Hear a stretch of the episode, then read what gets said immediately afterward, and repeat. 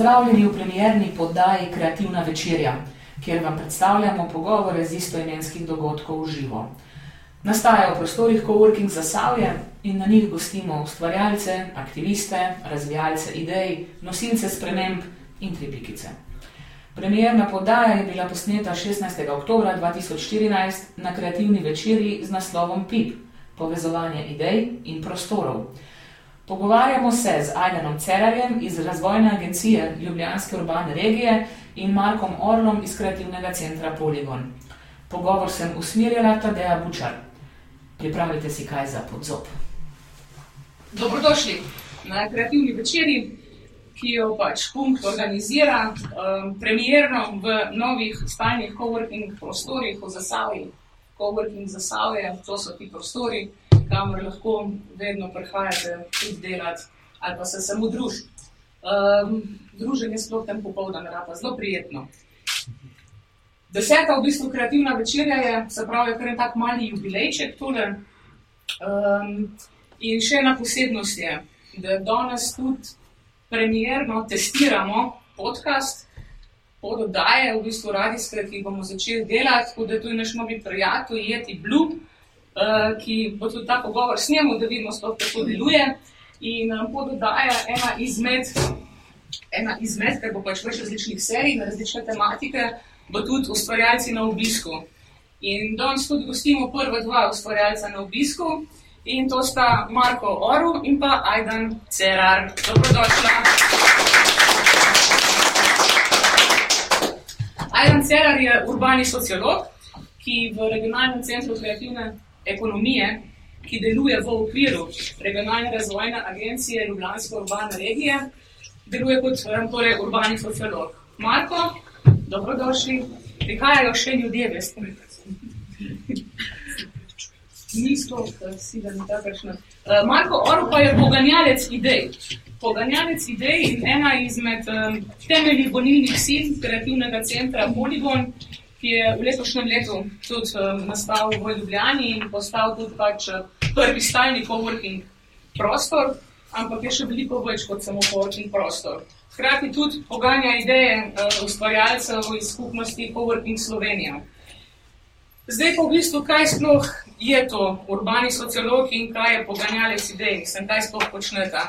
Ajda, s čem se ukvarja urbani sociolog? Ja, dobro vprašanje. Um, začel bom brezplošno. Eh, urbana sociologija je veda, ki se ukvarja z mesti, seveda, ne?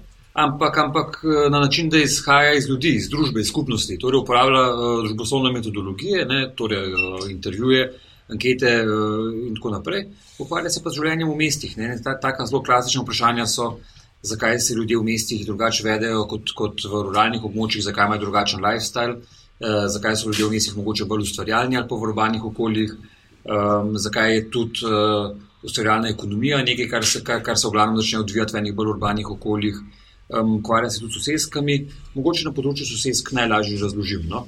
Um, arhitekt se ukvarja s tem, kako, kako bodo nekako sosedske zgrajene, kako bodo bloki izgledali, urbanist s tem, kako bo to uh, umeščeno v, v, v mestno tkivo, rečemo temu, gradbenik, kako bo, kako bo zdaj bom zanalaž malo mal kar, karikiral, ne, kako bo blok zgrajen, da se ne bo potresel podrl ali kako karkoli.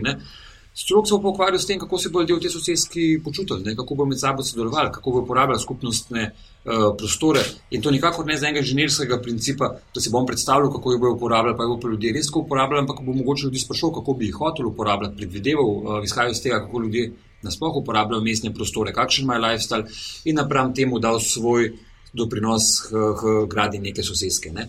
To se najlažje vidi pri sosedskih zgrajenih pred desetimi pa dvajsetimi leti, ki so mogoče predvidevali druženje na, na, na igriščih, kako bo skupnosti sodelovali na ravni bloka in tako naprej. Um, in pa gre pa tukaj urbana sociologija v, v, v koraku s časom, kako se spremenja ekonomija, kako se spremenja družba in kako se mora tudi spremenjati v bistvu načrtovanje ali pa upravljanje uh, mest, uh, za to, da gre v korak z, z, z nekimi družbenimi trendi. Ne? In, in kakšna je recimo tvoja vloga v regionalni razvoj agenciji? Kaj v bistvu počneš?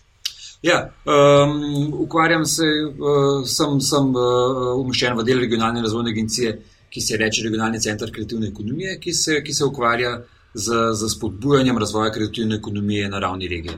Uh, če vam to ne pomeni, vel, uh, pove veliko, z veseljem razložim, zakaj se večina mest ali pa regij danes ukvarja točno s tem vprašanjem. Um, pred 31 in 40 leti je bilo bistveno lažje.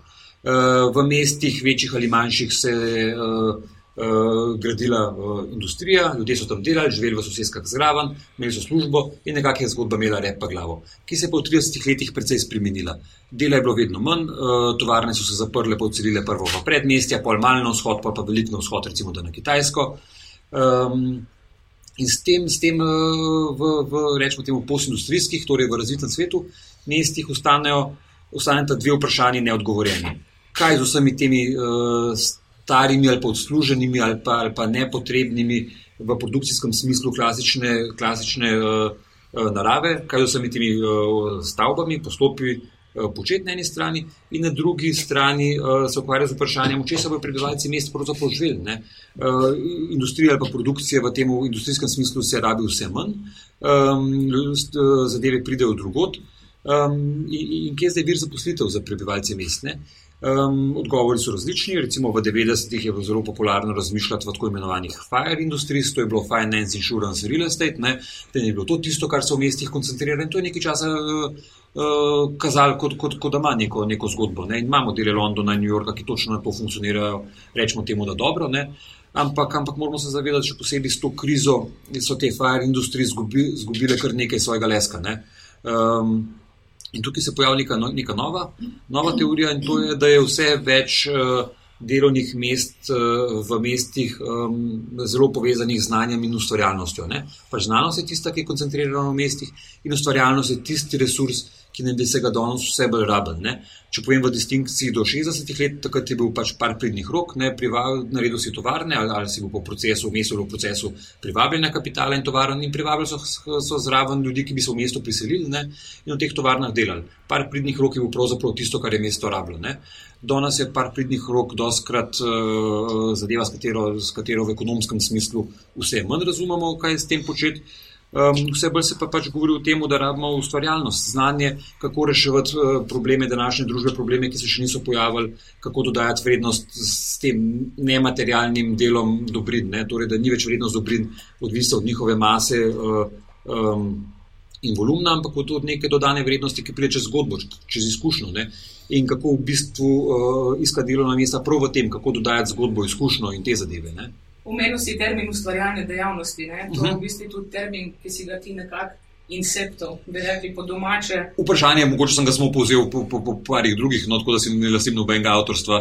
Ampak gre za to, da se ta termin uporablja do zdaj kot pa kreativna industrija. Ja. In nam vsem tudi je termin ustvarjanja dejavnosti veliko bolj všeč, uh mhm. -huh. ker je manj industrijski. In uh, ustvarjalne dejavnosti, Marko, ti pa si del njih, oziroma ti s tem, ko poganjaš ideje, dejansko poganjaš ustvarjalne dejavnosti. Kaj je tvoj job? Kako izgleda tvoj delovni dan, kaj počneš? Mislim, dejansko vprašanje je no, še bolj uh, kompleksno, kako meni stva. Poganjalec idej. To je v bistvu um, en termin, ki sem ga v zadnjem času nadal, um, sodelavci oziroma skupnost, v kateri delujem. Um, stvar je pa v tem, da v zadnjem letu, posebej mogoče v dveh letih ali pa še dveh pa pol, um, odkar sem ratov upet v to um, Slovenijo Coworking inicijativo, se pravi inicijativo, ki je želela spostaviti nek, um, mogoče prvi ali pa enega izmed večjih ali oziroma bazičnih teh skupnostnih prostorov v Sloveniji, se na področju Ljubljane, um, sem bil upet med blazno veliko mrežo ljudi. No. In ljudje so prihajali do mene s takimi idejami, s tistimi idejami, s tretjimi idejami. In dejansko, v bistvu, moje delo je na neki točki postalo to, da sem rado tisti povezovalec. Pač, če karikiram, um, pride do mene trije programeri, ki imajo idejo, da razvijajo neko aplikacijo, na drugi strani imam um, mogoče nekega človeka, ki ima določena finančna sredstva. Um, in jih pač povežem. To je v bistvu nekako poganjalec idej. Ampak dejansko nisem jaz tisti, ki kreira ideje, ampak jih pač pomagam nekako zrojiti, kako se reče temu, da, da, da poženejo, oziroma tako, da tisti, v bistvu, ki, ki pomagam sedikam, da zrastejo nekako. Ne. Da gre um, abstraktna ideja v bistvu tako. izvedbo. Um, ampak dejansko bi, um, v bistvu jaz po, po domač povem, da nimam delovnega mesta. Drugač sem mladi raziskovalec, končujem doktorat, um, ukvarjam se z seciranjem linearno strukturiranih, strukturiranih organizacij in moderiranim oziroma um, nekim spontanim mreženjem znotraj nekih zaprtih prostorov in mikroskupnosti. Um, moje delo trenutno je to, da sem v bistvu po 16 ur na dan v poligonu, skrbim za tako imenovani community management, kar pomeni, da skrbim za to, da so stranišča čista, da, da dela internet in da pomagam nekomu zrihtati nekaj. Po domačem, uh, pa niti v bistvu ni delovno mesto, ker smo finančno bogi. In tudi vedno, ko imamo sestanke v poligonu, Marko skuha kavo. Uh, in uh, pognal si tudi idejo PIP, povezovanje idej in prostorov, ki jo bomo malo kasneje bolj natančno predstavili. In ja, v bistvu prav tako je bilo. Ne? Vezni člen je bil jaka po trpini, ti si prišel do mene in rekel um, preko jakata, ne? vi tole, kar delate, to je treba nekaj, to moramo nekaj skupaj sešraufati. Uh, potem se je pojavil tudi, v, zdaj bom rekla, v mojem življenju, Aidan Cerar, lani na mestu oblikovanja.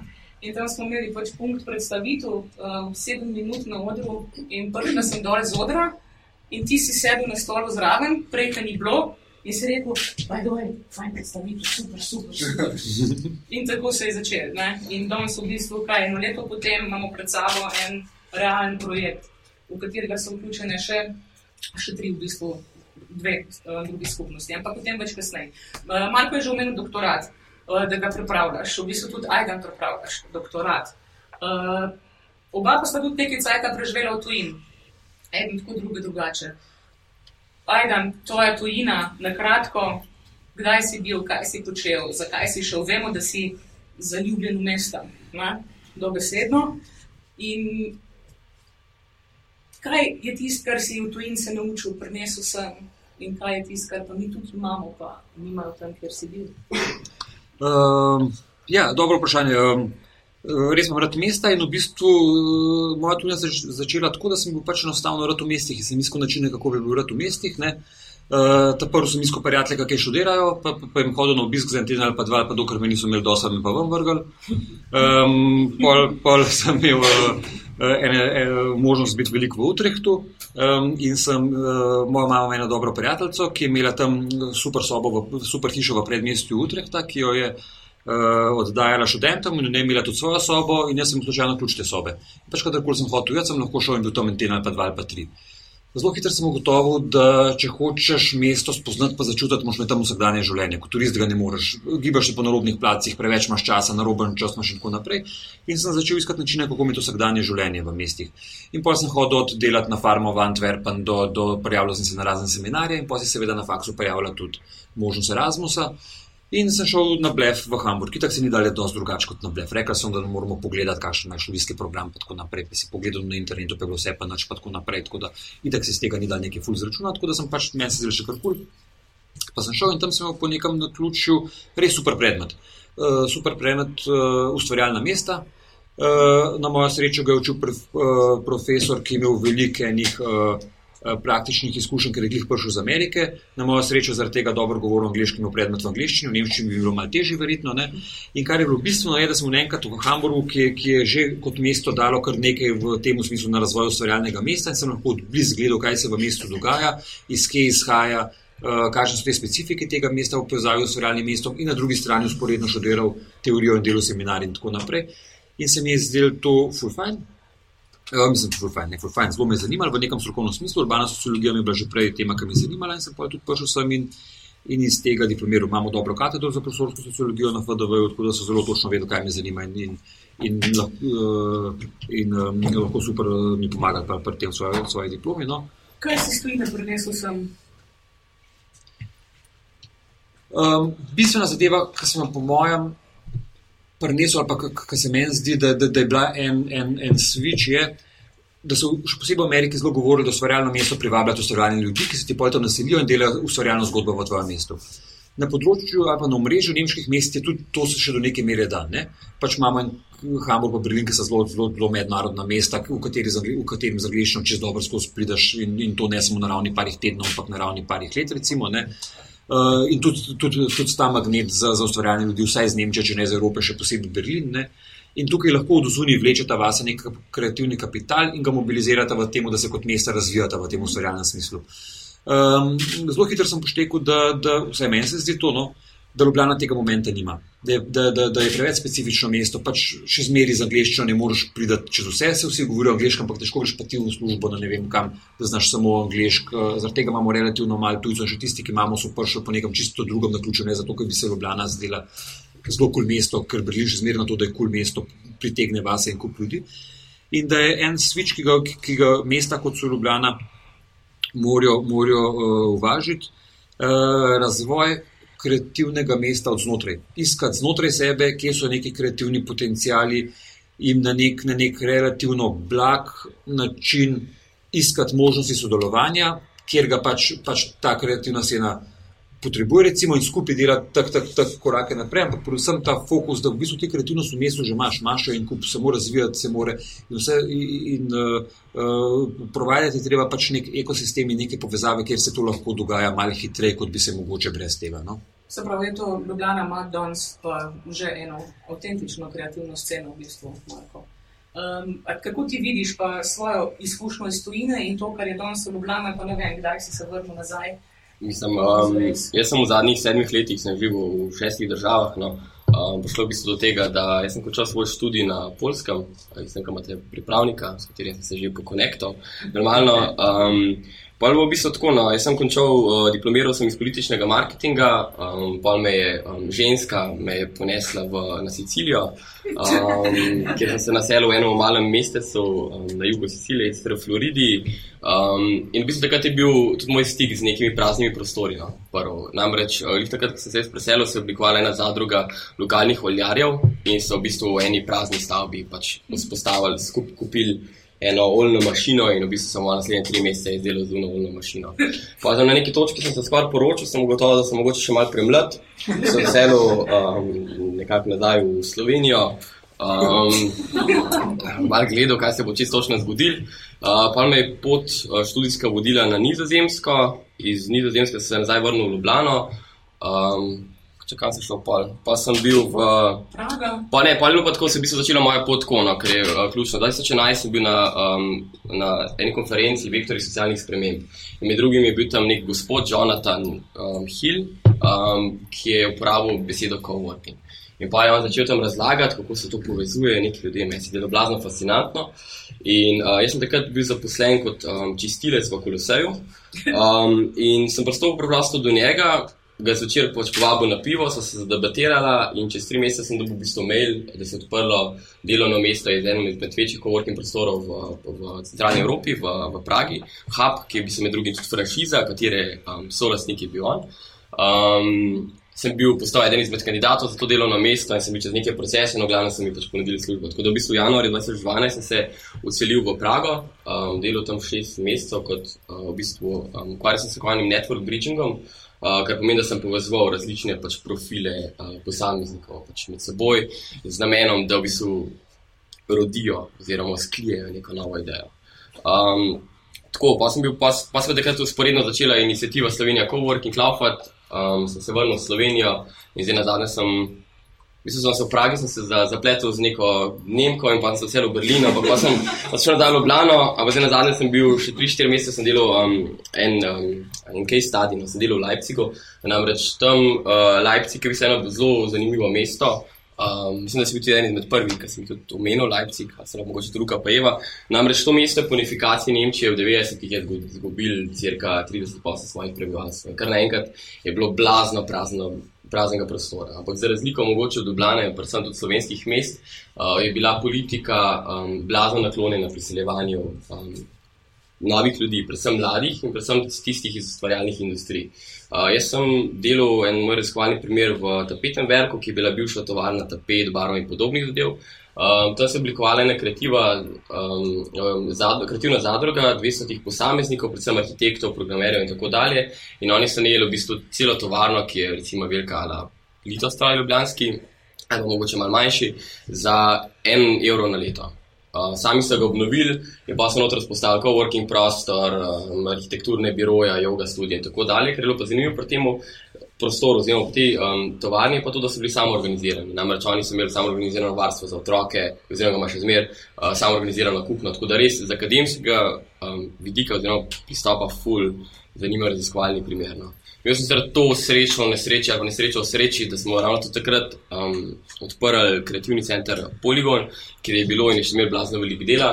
Namreč mi smo full veliko potezno, mogoče celo pre, preveč veliko potezno zastavili. Odprli smo 800 kvadratnih metrov v šusu, nismo začeli tako pametno z malim pravi. Uh, tako da je bilo blazno veliko dela. No. Danes združujemo cirka 100 posameznikov, um, 9 pisarn, med drugim imamo tako imenovani Polygon Maker Lab, ukvarjamo se z izdelavo vlastnih 3D printerjev, modeliranjem, skeniranjem, imamo crowdfunding, poslušalnik in tako dalje. In mogoče kaj ima, recimo, kaj, kaj, kaj bi rekel, da je specifika Ljubljana v, v smislu ustvarjanja dejavnosti danes, če primerjaš pač z drugimi deli Evrope ali pa ne z drugimi mesti. Recimo. Mislim, um, specifika je ta, da ima ne zgolj Ljubljana, ampak tudi ostala mesta, tudi, tudi Zasavje, tudi mogoče neka podravska regija in tako dalje. Uh, ima blazno močne kreativne skupnosti, ki imajo pa en problem in to, da niso pač povezane. Povezane so na osebnih relacijah, ni pa v nekih fizičnih entitet, govorimo o prostorih, kjer bi se lahko te skupnosti med sebojno povezovali in pač v bistvu fluktuirale, kar pomeni, da bi na, na dnevni ravni skupaj bivali, sobivali in predvsem sodelali in se povezovali. Um, Pardon. Inicijativa Coworking Slovenije, večkrat smo se tudi z Evo pogovarjali o tem, da je glih to pač naslednja, naslednja evolucijska stopna. Ne? Se tukaj premika v tej smeri, da se povežejo v bistvu pač ti coworkingi, ki obstajajo. Premika se predvsem uh, naša v bistvu uh, naloga oziroma poslanstvo je bilo predvsem informativne narave. Mi smo želeli v bistvu približati term coworkinga oziroma sodela z, jaz ne maram besede coworking, prost ali govoril o sodelu. Um, um, stvar je v tem, da, da bi se mi začeli informirati na samo družbo, da ni, v bistvu, um, da ni nujno, da delaš v, v, v pač doma, praviš neko delovno površino, predvsem če delaš v nekem kvartarnem sektorju. Namreč po zadnjih podatkih SURS imamo mi v Sloveniji crka 105 tisoč samo zaposlenih posameznikov. To so različni sektori. Ampak še zmeraj v tem kvartarnem je nekje 20 do 25 tisoč posameznikov. In večino teh ljudi dela v doma oziroma najema pač pisarne, kar pomeni, da, da, da se v bistvu ti fizično zamejiš. Um, rezultati Slovenije, ko workinga, je predvsem to tole, ne? mislim, med drugim, pač posredni rezultat. Predvsem to, da se pač, jaz sem tebe spoznal, mislim, da prikeve, ali pa mogoče prek Luke, Piškoriča. Um, In je predvsem ta povezovalna nota. In tudi usporedno z vami je se tudi prvič imel um, en tak sodelovni prostor v Prevalja, kar je zelo zanimivo na Koroškem. Uh, odpira se v Izolik, uh, v bivši tvarni um, rib, riba, riba in se misli še ne imeti koriba. Um, ker so vzpostavljeni. Zin. Uh, in zdaj, kar naenkrat se v bistvu ful takih teh, ravno teh fizičnih entitet vzpostavlja, je pa super. No? Predvsem z vidika mreže. Lahko en, en primer povem mreže. Lahko ali da nam šlo. Um, eden izmed mojih uspešnejših teh um, si mi rekla, poganjalec idej. Uh, vlog je bil v, v Pragi in sicer mi smo imeli, da je bila skupnost cirka 300, mislim, je bilo 380 uh, memberjev oziroma uporabnikov tega prostora. In mi smo imeli tam štiri mlade arhitekte, ki pač preprosto niso dobili um, službe kot, službe kot arhitektov. Arhitekti dobili, um, identificirali so pa en problem in sicer to, da v Pragi ni veganskega fast fooda.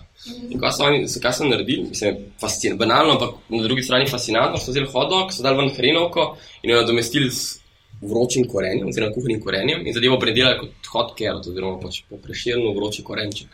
Uh, na drugi strani smo imeli pa enega izmed tega članov, tega huba, oziroma tega um, sodelovnega, oziroma coworking prostora. Um, je bil pa en neko kmetovalec, ki je pač tisto delovno površino uporabil kot svojo pisarno, se je zadeva pač, so se pač povezali in slej kot prej sem hitro so, v hitrem postopku so podprli um, en mali tak food joint, kjer so stregali te hot carote za 25 kron, oziroma za 1 evro. Ne. Pa na neki točki, kasneje sem še en programer, uh, preključil je razvil aplikacijo Hot Sauce, uh, ne Hot, um, Open Sauce, Open Sauce. Um, ki je bila v bistvu aplikacija za te pametne telefone, kjer si glasoval za pač neke sestavine, umak in pa ali tisto umak tisti teden na nedeljo. Tako, no, ampak to je bil samo en tak ful dober šolski primer pač povezovanja. Predvsem zato, da se lahko tudi um, posamezniki, ki primarno delajo recimo v nekem poklicu, lahko preusmerijo um, in štartajo neko poslovno idejo. Zakon. In zdaj smo prišli po v bistvu do tega učinka, ki ga tudi kreativna ekonomija oziroma ustvarjalna ekonomija dejansko ima. Mogoče ajdan manjše besede o tem, kaj je sploh kreativna ekonomija, kaj se to tretira. Ali lahko še na Marko to vprašanje odgovarjam? Kako je bilo že vprašanje? Um, v tem povezovanju uh, skupnosti, pa, pa tako, to se mi zdi, kar se je rekel, zelo bistveno. No? Um, zdi se mi zelo bistveno, da prav te trgi različnih enih kreativnih skupnosti, ki pridejo, v, ki se srečujejo, ne, se mi zdi blazen generator enih novih idej. In uh, prej sem vprašala, kaj, kaj je prednost mogoče uh, naših mest. Točno to, da se vsi na četrt poznamo. Uh, pri nas sodelovanje res teče lahko v treh urah. Zjutraj se začnejo, začnejo ali pa začnemo pogovarjati o nekem sodelovanju, konec tedna že sedimo za mizo, pa vsi v bistvu vemo, kdo je kdo, pa kaj počnemo in začenjamo sodelovati in tako naprej. In to je totalna, totalna prednost. No? V, v nekem velikem mestu se ljudje veliko manj poznajo, veliko dalj trajajo te momenti. Zaradi tega se tudi doskrat, recimo, uporabljamo Berlin, ker vem, vem, vem da, si, da, da ga dobro poznaš. Še v Berlinu se to, to, to začne delati tako, da, da je en del mesta, ki je dosti cenejši, ne? recimo Neukelen ali pa Kreuzberg. In pa se kretuci začnejo KSL, ima kul sceno, ima kul vibe, ima cenejše produkcijske prostore, še posebej, če rabaš malo večje prostore in tam se ljudje na ulici začnejo srečevati, v bifejih srečevati, v teh prostorih srečevati. In, in uh, jaz osebno mislim, da ti ljudi ne moreš pripričati, da bi sodelovali. Uh, pa če se gre na živce, se gre na živce, pa karkoli narediš, se bo že na živce. Uh, in bo zmerno najdel način, da hodijo enim drugim, tudi če, če, če, če jih uh, z, nekimi, z nekimi načini siloš biti biti v isti bajti. Ne? In pri nas je ena prednost, da se vsi poznamo, da se hitro lahko stvorijo ta sodelovanja, ampak nikoli pa ne bojo naša mesta funkcionirala tako kot Berlin, da bi se začeli ljudje seliti v Trnovo, ki je bolj kreativno ali pa v spodno Šiško. Zato, ker je približno vse, vse, če živiš na taboru ali pa, ali pa, ali pa na Prulah ali pa na Kodeljevom z biciklom, si tam v 15 minutah in se mi zdi, da so zaradi tega. Te prostori, kjer ti različni kreativci in kreativne skupnosti prihajajo v stik en, en z drugim, zelo pomembno. Zaradi tega se mi zdijo in v Ljubljani, in v ostalih mestih pomembni prostori, kot so to, ker, ker, ker mogoče tam delaš pač svoj job na svojem laptopu, ampak, ampak še zmeraj boš na kavo in tam nekoga srečal. In, in prav ta neobvezno srečevanje v istem prostoru se mi zdi en, en relativno dober način spodbujanja enega razvoja. Eh, razvoja um, Na tej kreativni sceni, ker pač točno tam pride do teh trkov, ki, ki so doskrat uh, bistveni. No? Pa se to lahko zmeri v smislu ekonomskega učinka?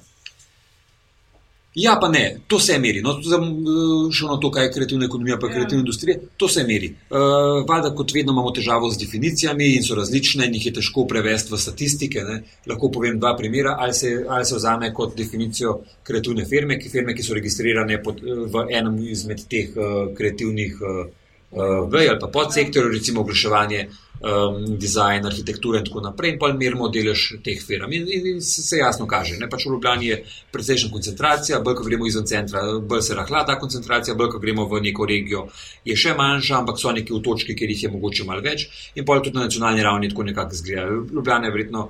Uh, je, je zmeraj pač malo više pozicionirana, ampak tudi v ostalih mestih um, uh, prihajajo te koncentracije. Ampak, če vzamemo to definicijo, pol merimo celo te firme. Če imamo veliko arhitekturno firmo, merimo tudi tunga, ki, ki se ukvarja samo z. Ne vem, načrtovanje v najbolj temu inženirskem smislu, v končni fazi tudi vrtarja in tako naprej, in zmer pride do nekih popačen. Ne. Lahko izhajamo iz ljudi, ki so izobraženi za to, da, da, da upravljajo kreativni poklic, ampak včasih ga tudi ne, ne. dela čist nekaj tretjega, ali pa nekdo dela nekaj zelo kreativnega, pa, pa ima izobrazbo iz čisto ene, ene druge smeri. Ne.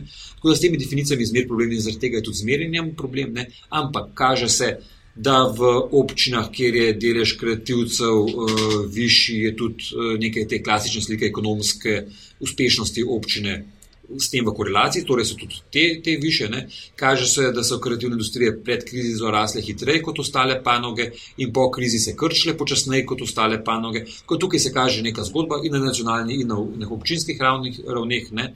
Eh, pa s temi raziskavami ukvarjajo posod po Evropi in posod se zavedamo ali pa se zavedajo, da tukaj pač ni popolna. Uh, prezentacija realnosti je pa to najboljši približek, kar ga dobimo. No? Se pravi, v krizi ustvarjalne dejavnosti cvetijo. Vprašanje, če cvetijo, ampak hitreje izgubljajo svoje cvetove kot ostale dejavnosti, še posebej, če jih privedemo uh, s kakšnim bolj klasičnim uh, proizvodnim sektorjem uh, primerjamo. No? Um, Marko, bi še kaj ti iz prakse o kreativni ekonomiji in pač učinku tega skozi projekte, prej si že uh, ta Maker's Lab umenil, pa crowdfunding si je tudi en plot, kjer si zraven. Mislim, to je. Pop-up dom. Ja, mislim, to je full velik. Jaz bi mogoče raje pol o tem govoril, no, ko smo na, na Pipu konkretno. No. Um, ja, ampak recimo ne, na primeru pač um, Polygon Makerspace. No. Spet je tujka, no, ker šli smo po Sloveniji za zadeve. Um, stvar je v bistvu temu, kar mi želimo. Mi želimo v bistvu popularizirati um, kulturo 3D tiskanja in skeniranja v, pač med čim širšim v bistvu, krogom, krogom ustvarjalcev. Kar pomeni, um, mi nudimo um, pomoč oziroma mentorstvo pri sestavi lastnih 3D tiskalnikov, kar pomeni, da v bistvu ti nabaviš dele, največ kot z Kitajske, najcnej, žal. Uh, in um, pa imaš pač mentorstvo, pač nek mentoriran proces in ti dejansko sestaviš pač lasten 3D printer. Ker ti v bistvu omogoča, če si konkretno oblikovalec, mogoče industrijski oblikovalec, da imaš, ne vem, razvijaš na tale, tale kozarc, um, pa imaš nekega potencialnega investitorja, ti ne prideš več z neko prezentacijo ali pa s nekimi velikimi besedami, kako ta kozarc lahko elegantno drži deci vode ali pa deci kakšne žlahtnejše kapljice, ampak je stvar v tem, da ti lahko fizični produkt sprintaš in ga pač pokažeš. In tudi 3D um, kultura, mislim, tale, te nove tehnologije na področju, predvsem 3D tiska, so pač neomejene. Mislim, mi bomo zdaj se pogovarjamo z enim investitorjem, zelo verjetno bo šlo skozi, da bomo sestavili, um, pač bi so največji 3D printer v regiji, no, 3x3 metre, ki bo lahko simultano printil s petimi filamenti, kar pomeni, da se bo lahko kombiniralo plastiko in gumo in bo šel s printom, zdaj karikiram grobo, ker je kavč grobo karikiram, ampak ja. ni, ni mejane. Žal je v bistvu edini problem v tem, da um, pač določeni akteri, razen mogoče nekega čist privatnega oziroma zasebnega sektorja, še niso identificirali teh novih tehnologij, ker je fuš škoda. Mhm. Ampak ne, pionirsko delo je težko. In um, pionirsko delo je tudi, v bistvu se kaže projekt PIP, povezovanje idej in prostorov. Do njega je prišel um, v sodelovanju parih organizacij oziroma skupnosti, ena od njih je Punkt, druga Kreativni center Polygon, tretja je um, skupina Prostorož, ki je večinoma skupina arhitektov, ki se ukvarjajo pač um, z javnim prostorom in z uživanjem javnega prostora. Potem četrta pobuda je Creative Morning Stoblana in peta podpora, ki je pa tudi dala eno zagonsko finančno injekcijo je Ljubljanska razvojna agencija. In če povem samo z vidika punkta, skratka, punkt je Marko Poganjanec idej, nas je vse spravil na kup. Um, lepo pozdravljamo tudi Mašo Cvetko, ki je danes ni z nami, ampak je v Prištini. Čau, Maša. Maša je iz Prostoroža, In Marko nas je vse pripeljal na kup in mi rekel, da je mu nekaj narediti. Ne? Ker se vse te organizacije oziroma skupnosti smo se na nek način ukvarjali v bistvu z revitalizacijo praznih prostorov. Nas v Zasavju so zelo boleli te prazni prostori, ker mi kateri vsak dan hodimo. In tako smo naredili pač idejo Empty Spaces od Zasavja, kjer pač mapiramo prazne prostore, jih zbiramo, identificiramo najprej, fotografsko v bistvu dokumentiramo. In ideja je bila neka velika, in potem je Jaka rekel: enkrat, no, špaj, zopet Facebook da je doslej.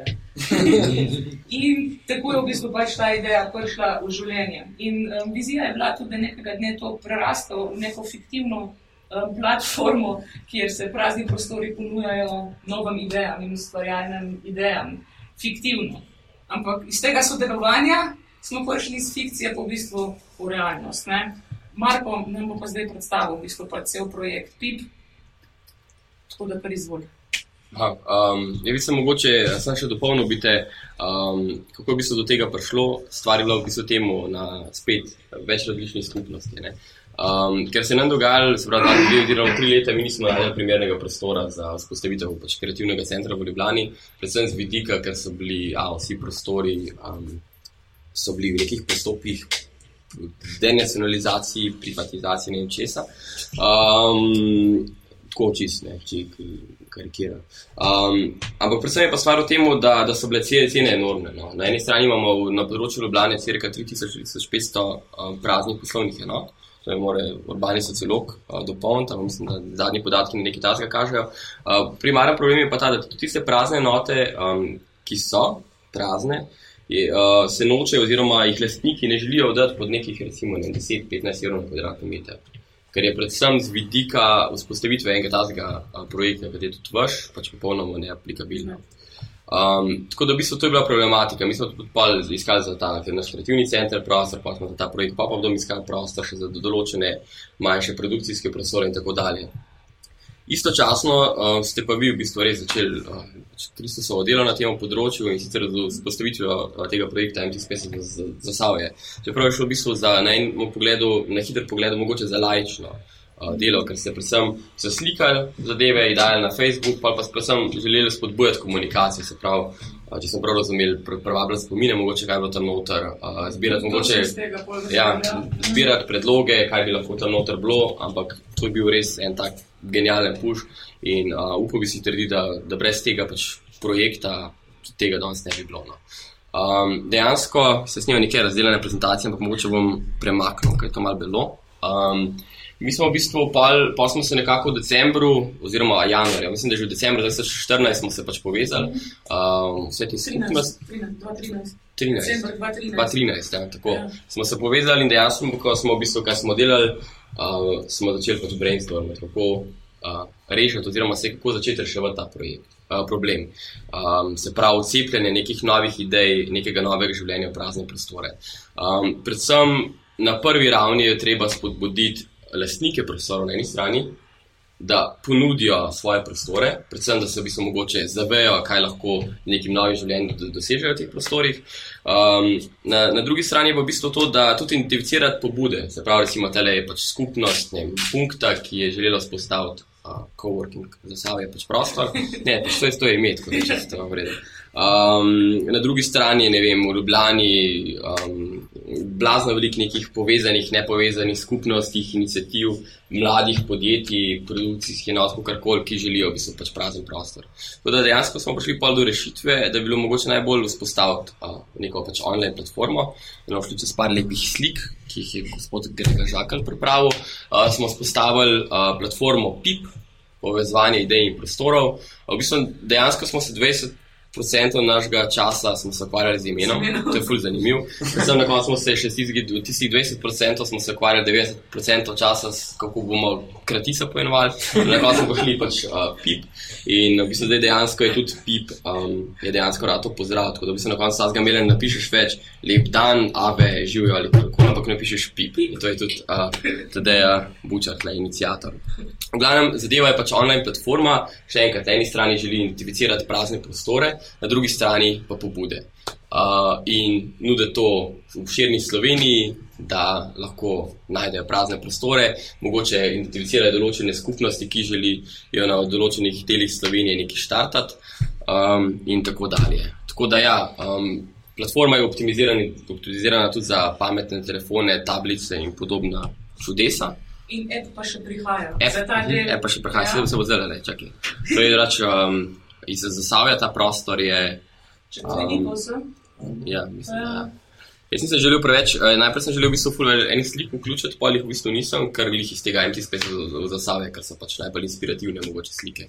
Uh, ja, delamo v bistvu tudi na Apple. Um, ideja v bistvu tega appa je, ker um, s temi stvarmi, ki se ukvarjamo, predvsem ti akteri, ki, so, ki smo začeli v bistvu to, to zgodbo, je ta, da v bistvu želimo optimizirati neke delovne procese in iz tega ne želimo, v bistvu, mislim, želimo spodbuditi čim več, večje število ljudi, da bi identificirali pač prazne prostore.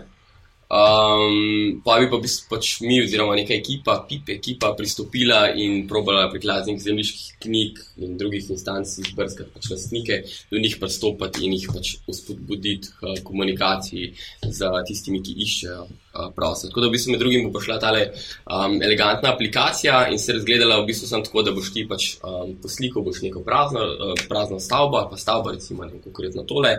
Um, ta GPS bo identificiral pač. Uh, geolokacijo, pa boš pritisnil samo tole, tole, tole zadevo, puščico in, in je to to.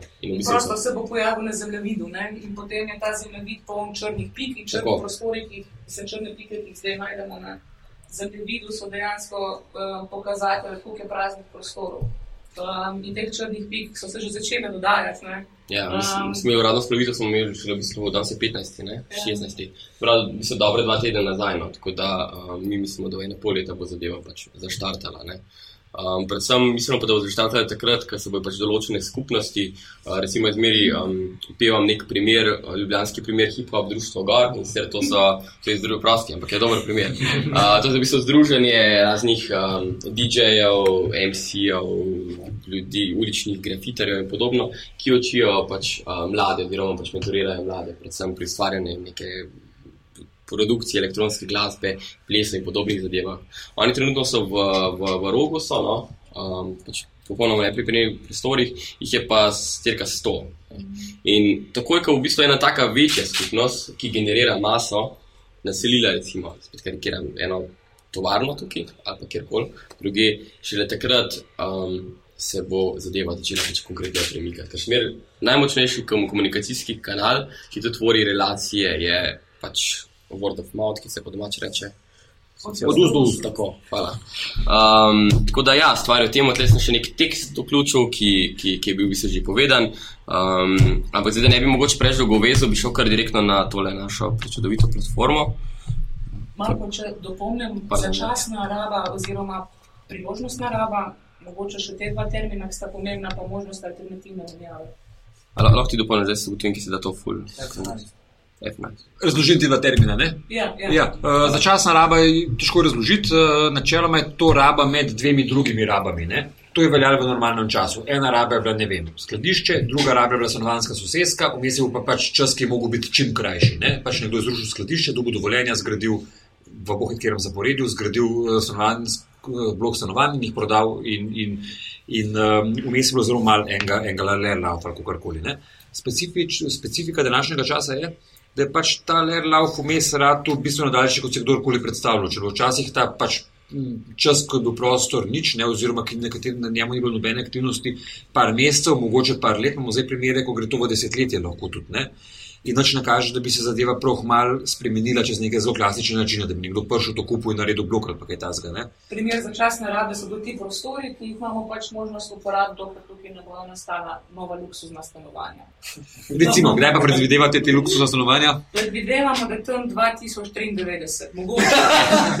ampak zdaj, kar si rekli, je, je precej res. Um, Vprašanje je 2094, ampak dejstvo je, da se, da se ta obdobje vmes v, v množici evropskih mest, še posebej vzhodnoevropskih, podaljšal na, na leta in desetletja. In, in s tem se znajdemo v, v neki situaciji, ki, ga, ki jih nismo, ki nismo bili navajeni. No? Ki terja in od, od policymakerjev neke nove, nove uh, načine upravljanja s tem, ali pa, ali pa je tudi malo eksperimentiranje na kakšen način, ampak vsekakor pridemo do termina začasna raba, to je ponovadi pomenilo eno leto, vmes, ampak to je v, v končni fazi lahko rata tudi pet ali pa deset let. Uh, ampak pač spodbujanje te začasne rabe je ratalo zelo smiselno, ker je teh prostorov res veliko in nič ne kaže, da bi bil nek, nek interes ali pa, ali, pa, ali pa vsebina, ki bi jih na kratek čas spremenila. No. Um, nekateri ti prostori so tudi v javni lasti, ampak tukaj je slovenska zakonodaja zelo toga in je s temi prostori težko kaj početi, dokler se zakoni spremenijo, kar ni en, dva, tri, vse vemo. Um, Ampak, ampak eh, zelo velik del teh prostorov, kot se reče, pa, pa v neki zasebni rabi. Ne? In zaradi tega so zelo smiselne pač neke, no, neke nove, nove storitve ali pa načini, kako povezovanja tisti, ki rabijo, rabijo prostor in tisti, ki imajo prostor. Na eni strani je to spodbuda nekim ustvarjalnim skupnostim eh, k temu, da lažje pridejo do prostora in začnejo v nekem prostoru uh, ustvarjati, karkoli ustvarjajo. Na drugi strani pa meni vsaj toliko pomemben del tega, da imam mesta rad in da mi kuče so zanimive, da rad hodim mem zadev, ki so, so pulj za pogled in kjer se nekaj dogaja, kamor se lahko tudi prideš in kaj zraven počneš in tako naprej. In na teh praznih prostorih do nas več ali manj pač ne ponujajo tega. In je zelo fajn tudi stališče neke mestotvornosti, da so mesta bolj fajn za švet, bolj zanimiva, lepša, da imajo boljši vibe in vse to iskati in, in, in filati te prazne prostore z nekimi novimi ustvarjalnimi vsebinami. No? Sploh, če se te ustvarjalne vsebine dosti dinamično menjajo, ne? da rečemo vsak mesec, recimo, te bajte. In je nekaj novega, ena druga razstava, recimo, en uh mhm. -huh. koncert. In to je pa tudi priložnost narava, ki smo jo nekako kar mal uvedli v bistvu. Točno to. Tudi te tri dni, tri tedne, tri mesece lahko eni lokalnosti zelo veliko dodajo in dodajo v tem času kvalitete življenja, v tem mestu res veliko v končni fazi. No? Kul, cool. pa še alternativna menjava, Marko, ti si bil zelo navdušen nad tem, da, se, da moramo nekako alternativno menjavo, možnost alternativne menjave med ponudniki prostorov in uporabniki prostorov, nekam je treba to dati. Zdaj je. Uh, ja, so pa, predvsem, um, da ni bil kapital tisto edino, pač ko bi rekel, menjalno sredstvo. Se pravi, da te 100 evrov pa dobim en prostor, ampak da obstajajo tudi druge alternative. Zakaj? Zato, ker pač to določeni pač posamezniki, predvsem, mogoče, niti ne več mlajši segment, ampak mogoče kar vsi segmenti. Um, njim preprosto pač nimajo nekih, nekih sredstev, no, s katerimi bi lahko pač krile pač najemnino. Da v bistvu mi smo želeli spod, uh, spodbuditi, oziroma želimo spodbuditi no, neko alternativno menja- menjavo, oziroma nek alternativni način najema, kar pomeni, da konkretno, um, če spet razdelamo to na primeru hip-hop. Uh, društva, Gor, pardon, ampak da mi recimo skupnost um, stotih posameznikov, um, to pomeni tudi uh, 200, recimo da 200, no, pač pridnih rok, um, ki lahko mogoče določen objekt uh, obnovijo, recimo ne, adaptirajo, popleskajo, kakorkoli, ali pa uredijo recimo okolico in pač nek uh, lastnik uh, bi bili zelo veseli, tudi, če bi bile to, če bi bili te neki lo- lokalni, ali pa tudi državni akteri um, za to pripravljeni, ampak mislim, da, da zaenkrat še ne bojo um, bi pač na prostor odstopili za recimo ne, tri mesece. Ne. In v bistvu je voda na mlinu, sam, ne, meni, tebi in še komu tretjemu. Um, tako da recimo tudi tukaj imamo en, en primer, ki je heca, to je tale platforma. V bistvu strukturirana je um, na prvi strani so pač tisti um, ključni pač podatki, zakaj se točno gre. Izpostavljenih nekaj primerov, trenutno jih je uh, 19, to so tiste pike, o katerih je Tadeja govorila. Rdeče so prostori, ki so možni za uporabo, in črni so tisti, ki so samo pač notirani kot prazni prostori. Ja. Tako da, recimo, ne vem, um, tudi zanimivo je, um, um, pač moja družina je, um, pač jaz v bistvu izhajam iz uh, Bele krajine, imel sem nesrečo, da sem se rodil v Ljubljani in to tako na glas. Ampak, kakorkoli, um, moja, moja družina je v Bele krajini in Metlika, ima središče mesta, je cirka 70 odstotkov je pač v postele, pač preprosto je pač prazne. In uh, je res, mislim, res je žalostno. Um, in dejansko tudi tam želimo. Tako da sem bil blazno vesel, ker si ti tudi, mislim, da spodbudile, da so se tele, tele prijavili. Pa kakorkoli, ti klikneš na mapico, pa bi se moglo nekaj zgoditi. Uh, in te dejansko pač pokaže, zakaj se gre. Bom pa pokazal konkretno, za kjer prostor gre in kaj je tudi možna ta menjava. Ampak. Smejim se zato, ker pač tukaj bi mogla biti slikca, ne? ampak Mateja, ki tudi pomaga pri tem projektu, ne? Je gospod je že nek štirikrat obljubil, ne? slikce še ni. Ja. Tako da to je tudi razvoj storitve, ki jo pač v nekem zmernem času hočemo ponuditi in to je tudi pač fotografiranje prostorov. Ne? Se pravi, ko pač lastnik je pripravljen na to, ko pač zaupa to, da bo svoj prostor dostopal recimo za pilotno začasno rabo, da lahko pride ekipa, ki te prostore tudi primerno um, vizualno dokumentira, ne? da bodo tudi atraktivni bolj seveda za iskalca. Ampak realno gledano se pač to uh, ne bo zgodilo, dokler še. Um, ja, dokler, dokler ne bo recimo nek večji medij ali um, delo.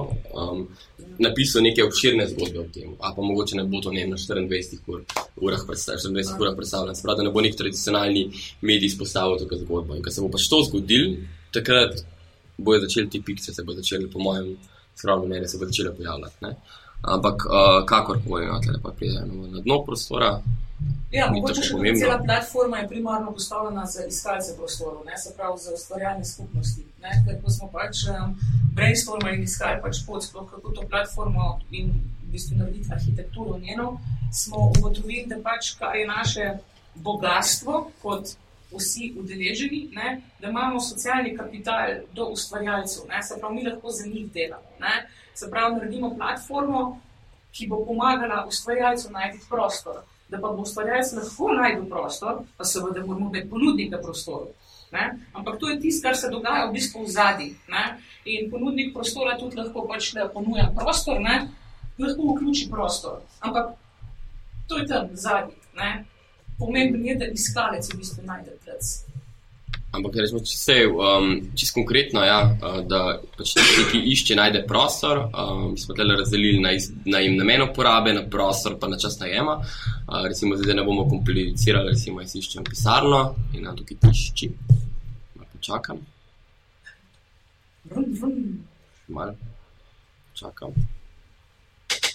Za mene je drugačen najljubši del um, je tale opipno, ki ga je uh, Tadeja tudi takole um, splavila, pa je tako hvala spev. Mi je tako še poslušal, da bi držal.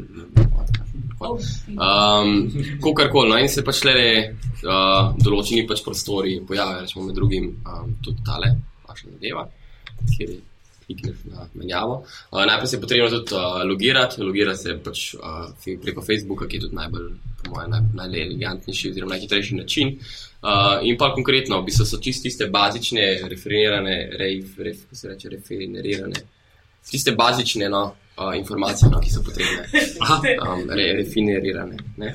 Imaš fotke, moramo zamenjati. No, kakorkoli se v bistvu se piše, zakaj se, um, zakaj se točno gre, v nekaj vrsticah, uh, kvadratura, urejena infrastruktura, uh, fino je ponot, če je voda, elektrika, pa VC. Stop za dostavo, nimate, čeprav imate dostavo za dostavo, čeprav ni, ni nakladalnega skladišča, recimo, kakorkoli. Um, Namembnost uporabe prostora, um, se pravi, imate sejno sobo, uh, delovno mizo in tako dalje, um, ti prostora, pa, pa obdobje uporabe prostora, pa pač um, tudi želimo na neki točki spodbuditi komentarje. Se pravi, da bo Aiden Sterer prišel za en teden delati in bo napisal, o, super. Um, Drugi komentar, ki, se, uh, se meni zelo smiseln, je tudi, da eni od teh prostorov so veliki volumni, ki si jih jaz mogoče rečem, da sem jaz Aiden Sterer, uh, SP. SP, neki dizajner ali pa kaj takega, ne morem prvoščiti. Marko teh prostorov je večji, ali se pa še bojo pojavili neki večji prostori. In se mi zdi zelo fajn, da se da med skupnostmi komunicirati. Zdaj, če jaz, dizajner, ne bi delal sam, pa tudi nimam denarja za cel prostor, ampak če nas je pa 8, pa pridemo na 4 evre na kvadrat, pa mogoče lahko prvošmo. Uh, take stvari delam, s takimi ljudmi me zanima skupaj delati, da bi se začeli povezovati. In ti daje na ko, konkreten prostor možnost uh, povezovanja in iskanja. Je super, da si to spomnil, ker se tu rubrika pač potrebujem souporabnika. Ja. No. Veliko teh prostorov je nekih velikih volumnov Ja. in prav veliki volumni pridejo hitreje do neke nizke cene. In je zelo fajn spodbujati pač, uh, tudi neko sodelovanje. Ne? In lih ravno to je to. Ne? In zdaj se je pač pojavil. Um, zdaj ljudje sem, pač, po naši veri nima neki, neki ne obožujejo slik. To Uh, bi si tako ustvarjalna, um, ženitna posredovalnica, v bistvu. ta del. Ne. ja, tako da v bistvu so predvsem gre spet, za- zakaj se išče kvadraturo, um, pa neka cena, tudi smo mi v bistvu štatali, da je neka cena, da je max 5 evrov na kvadratni uh, meter v- z vključenimi operativnimi stroški. Um, pa se pravi, človek išče njegov kontakt in pa predvsem pač opisne. In tudi tukaj iščemo, želimo spodbuditi, da bo čim več presečišč, se pravi, da bo prišel, um, tam, če gospodič, ki želi variti pivo, prišel mogoče z nekim um, ne vem, programerjem v isti prostor in bo tisti programer izdelal aplikacijo, da si lahko naročiš pivo, medtem ko ležiš na kavču v bilo. Um, a ti si knap pivo, sem super. Knap nisem. No. Sem ne knap pivo. Na pivo. Se ti Čeprav imaš tako napore, to pa kar priznaj. Ja. Um, tako da, ja, no, tudi rečemo, da je Hinixman je arhitekturno podjetje, oziroma pač kolektiv. Um, tako da, da v bistvu v osnovi. To je to, je to no, se pravi, zadeva je še, še mlada. Um, če imate kakšen pač prostor preveč, um, zelo fino, če se tukaj prijavite, um, če ga nimate tudi. Um, tako da, ja, tudi želimo v bistvu pa na neki točki se bolj um, tudi neke pravne okvirje um, spustiti, no, ampak to je še proces. No. Tretja evolucijska Tretja faza. evolucijska ja, predvsem kot vabljeni v bistvu te prazne prostore dodajate na zemljevid, ne? ker pač vršil, ker bo pač teh praznih prostorov tudi, tudi na nek način spet en socialni kapital, pa Mhm. orožje za pritisk na možnost vplivanja na spremembo regulative, za katero pač vidimo, um, s tem se tudi Ajnan sicer ukvarja, pa pač so zdaj pač neke um, spremembe zakonodaje v pripravi, ne?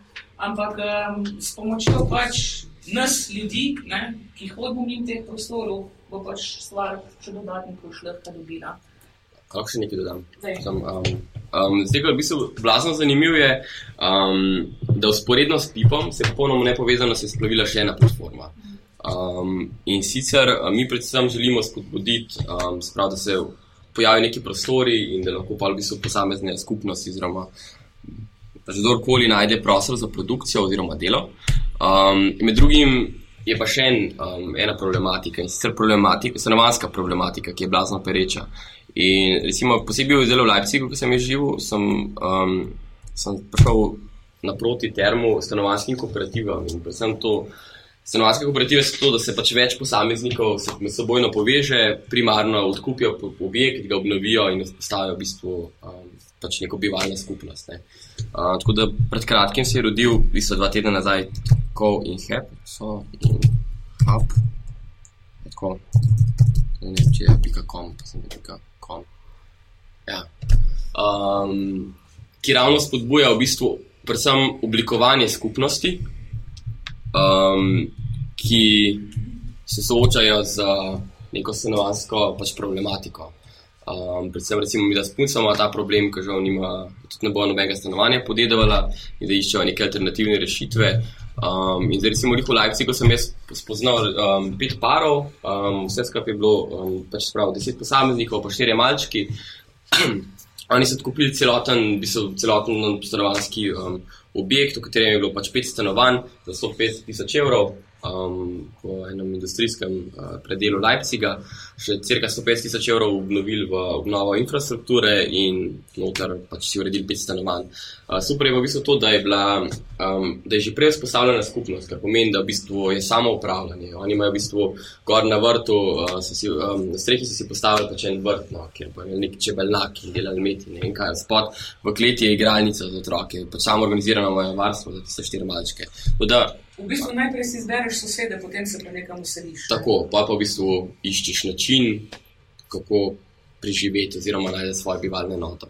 In um, to je pobuda um, mladih, uh, treh mladih arhitektov iz, uh, iz Maribora. Oni so v bistvu že, uh, že neki taki skupnosti, predvsem že nekaj na področju Ljubljane, uh, identificirali uh, in to so pač posamezni interesenti ki bi se želeli povezati v pač neko skupnost, ki bi mogoče prvič začela eno, prvo začela eno tako stanovansko kooperativo. Um, tle je, mislim, tako ful, ful zanimiva zadeva.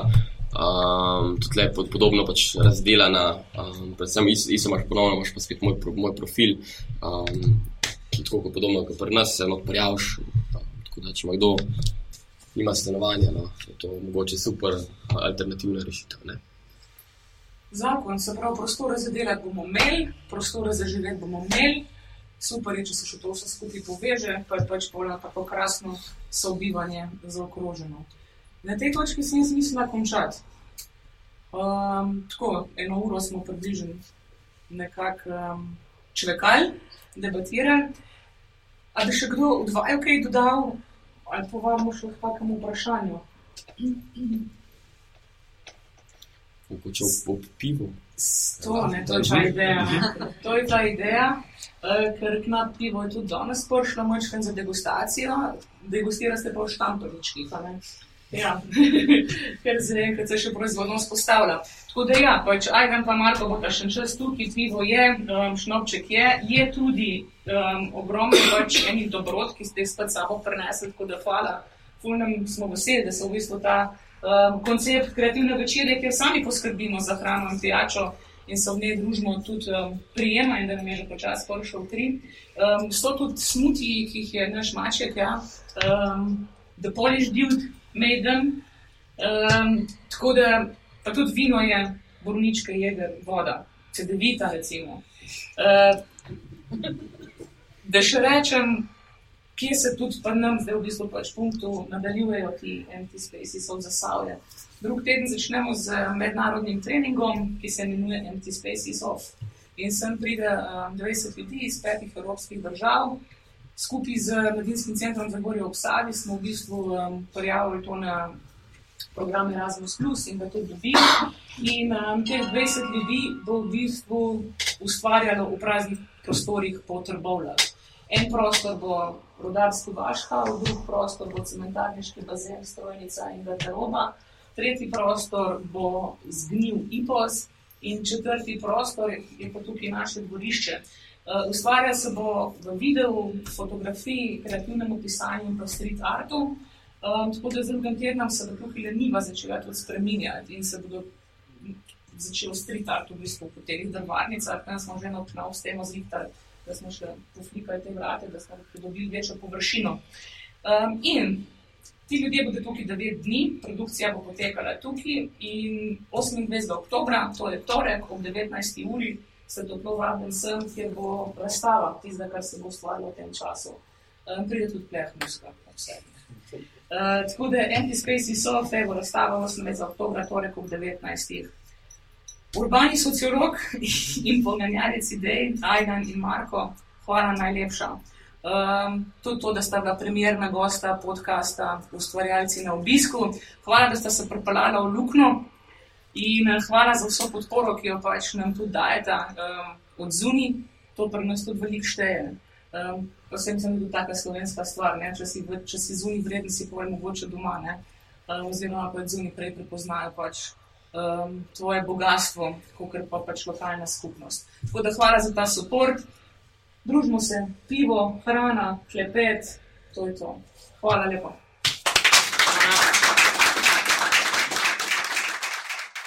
Poddajo Kreativna večerja pripravlja Punkt, laboratorij za kreativne industrije iz Zasavja. Na Twitterju nas najdete pod punkt.cc, spletna stran je punkt-cc.org. Srečno, do prihodnjič.